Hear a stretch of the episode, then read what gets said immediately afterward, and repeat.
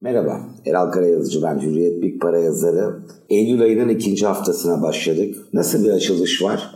Asya işlemlerine bakarsak aslında sakin sayabileceğimiz bir açılış var. Ve gündemde neler var dersek e, e, şüphesiz geçen haftanın ikinci yarısında Amerikan borsa endekslerinde yaşanan çok sert değer kaybının aslında izleriyle başlıyoruz. Ne olmuştu? Perşembe günü e, borsa endeksleri Amerika'da %5'i bulan kayıplar yaşamıştı. Cuma günü de çok büyük bir değişiklik olmadı. Daha sınırlı da olsa bu geri çekilme ilave bir kayıpla devam etti. Fakat bu hareketin sebebi ne? Manşetlerde öne çıkan şey ne? Borsalar sert bir düşüş yaşadı Amerika'da. Çünkü şu oldu denecek bir boşluk boşluk dolduracak veri var mı? Bana sorarsanız yok. Ee, ve bu aa tamam önemli de bir neden yokken düşmüş o zaman önemsiz e, dedirtmez bize. Çünkü ortada herhangi bir önemli faktör değişikliği yokken fiyatlarda önemli bir değişiklik oluyorsa ben her zaman bunun sinyal etkisini daha önemserim ve bir patinaj olarak görürüm. O yüzden e, Amerika'daki hareketi e, geleceğe yönelik tahmin üretirken e, bir e, sinyal olarak, bir patinaj işareti olarak not etmemiz lazım. Neden peki düştü? Madem ortada bir neden yok. Aslında düz ve basit bakmamız lazım. Amerikan borsaları diğer ülkelerle kıyasla çok güçlü bir yükseliş kaydetmişti.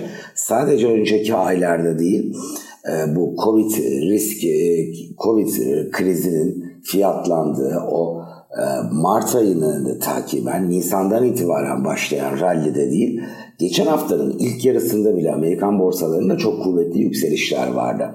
O pahalılık ki Nasdaq yılbaşına göre %33 yukarıdaydı. Ee, diğer borsa endekslerinde de e, o satış gelmeden önce %12'leri bulmuştu Amerikan borsalarının 2020 primi. Peki muadilleri ne durumda? Dünya borsalarına bakarsak 2020'nin başına göre dolar bazında ortak payda olsun diye buradan değerlendirmek daha rasyonel. %15 kadar kayıplar vardı. İşte bu pahalılık da satışı beraberinde getirdi. Ben önümüzdeki haftalarda Anerota'nın bir süre daha e, Amerika özelinde aşağı olma ihtimalini daha yüksek buluyorum. Fakat böyle %7'leri aşacak, %15'leri bulacak ilave bir kayıp olur mu? Var olan bilgi setiyle bunun zor olduğunu düşünüyorum. Birkaç yazıdır Hürriyet Big Para'da e, temel e, favori senaryomu Kasım ortası veya sonlarına kadar dünya genelinde yatay seyrin sürmesi, yılın sonundan itibaren de yeni bir rallinin başlaması şeklinde işaret ediyorum. Şüphesiz emin değilim. Hiç kimse olamaz tahmin üretirken ortaya attığı tezlerle ilgili. Ama olabildiğince net olmak, anlaşılır olmak adına da fazla da laf kalabalığına biliyorsunuz ben gitmiyorum. Ee, Türkiye'ye gelelim. Şimdi Türkiye'nin bir avantajı var.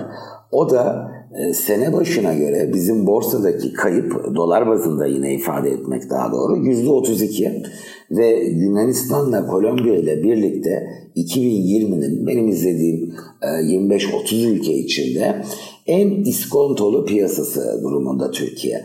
Bunu da aslında 15 Temmuz 2020 tarihi ile 6 Ağustos 2020 tarihi arasında o 3 haftanın içinde kurlarda hızlı bir yükseliş görmüştük. Eş zamanlı olarak borsa da zayıf kalmıştı.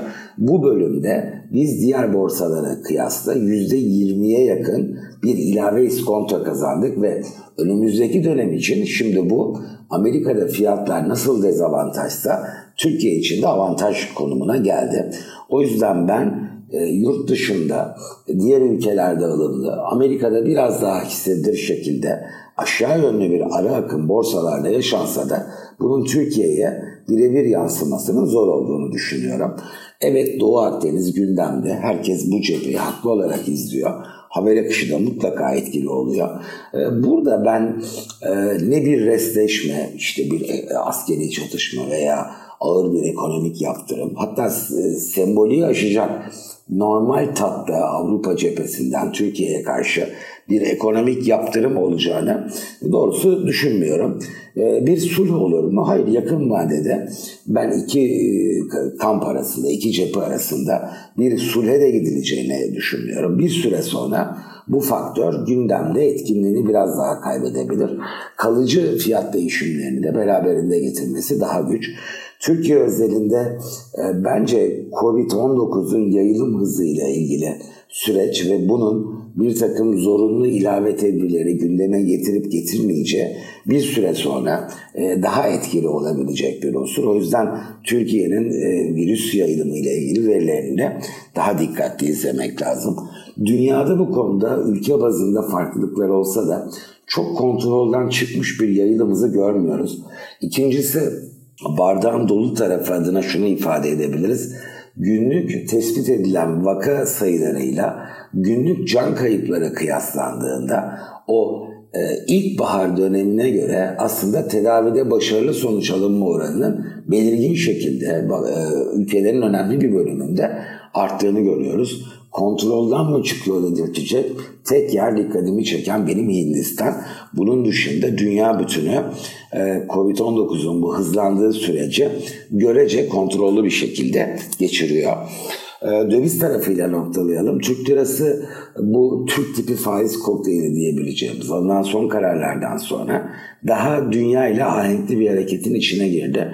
Herhangi bir negatif ayrışmayı son 4 haftadır borsada görmediğimiz gibi biz Türk lirasında da görmüyoruz. Bu da elbette bardağın dolu tarafı. Önümüzdeki haftalarda hele hele piyasadaki konsensüste bu Doğu Akdeniz konusunda bir restleşme olmaz noktasına kayarsa ben Türk varlıklarının Türk banka hisse senetleri önderliğinde rahatlıkla kısa vadeli bir pozitif ayrışmayı e, sahneye koyabileceğini düşünüyorum.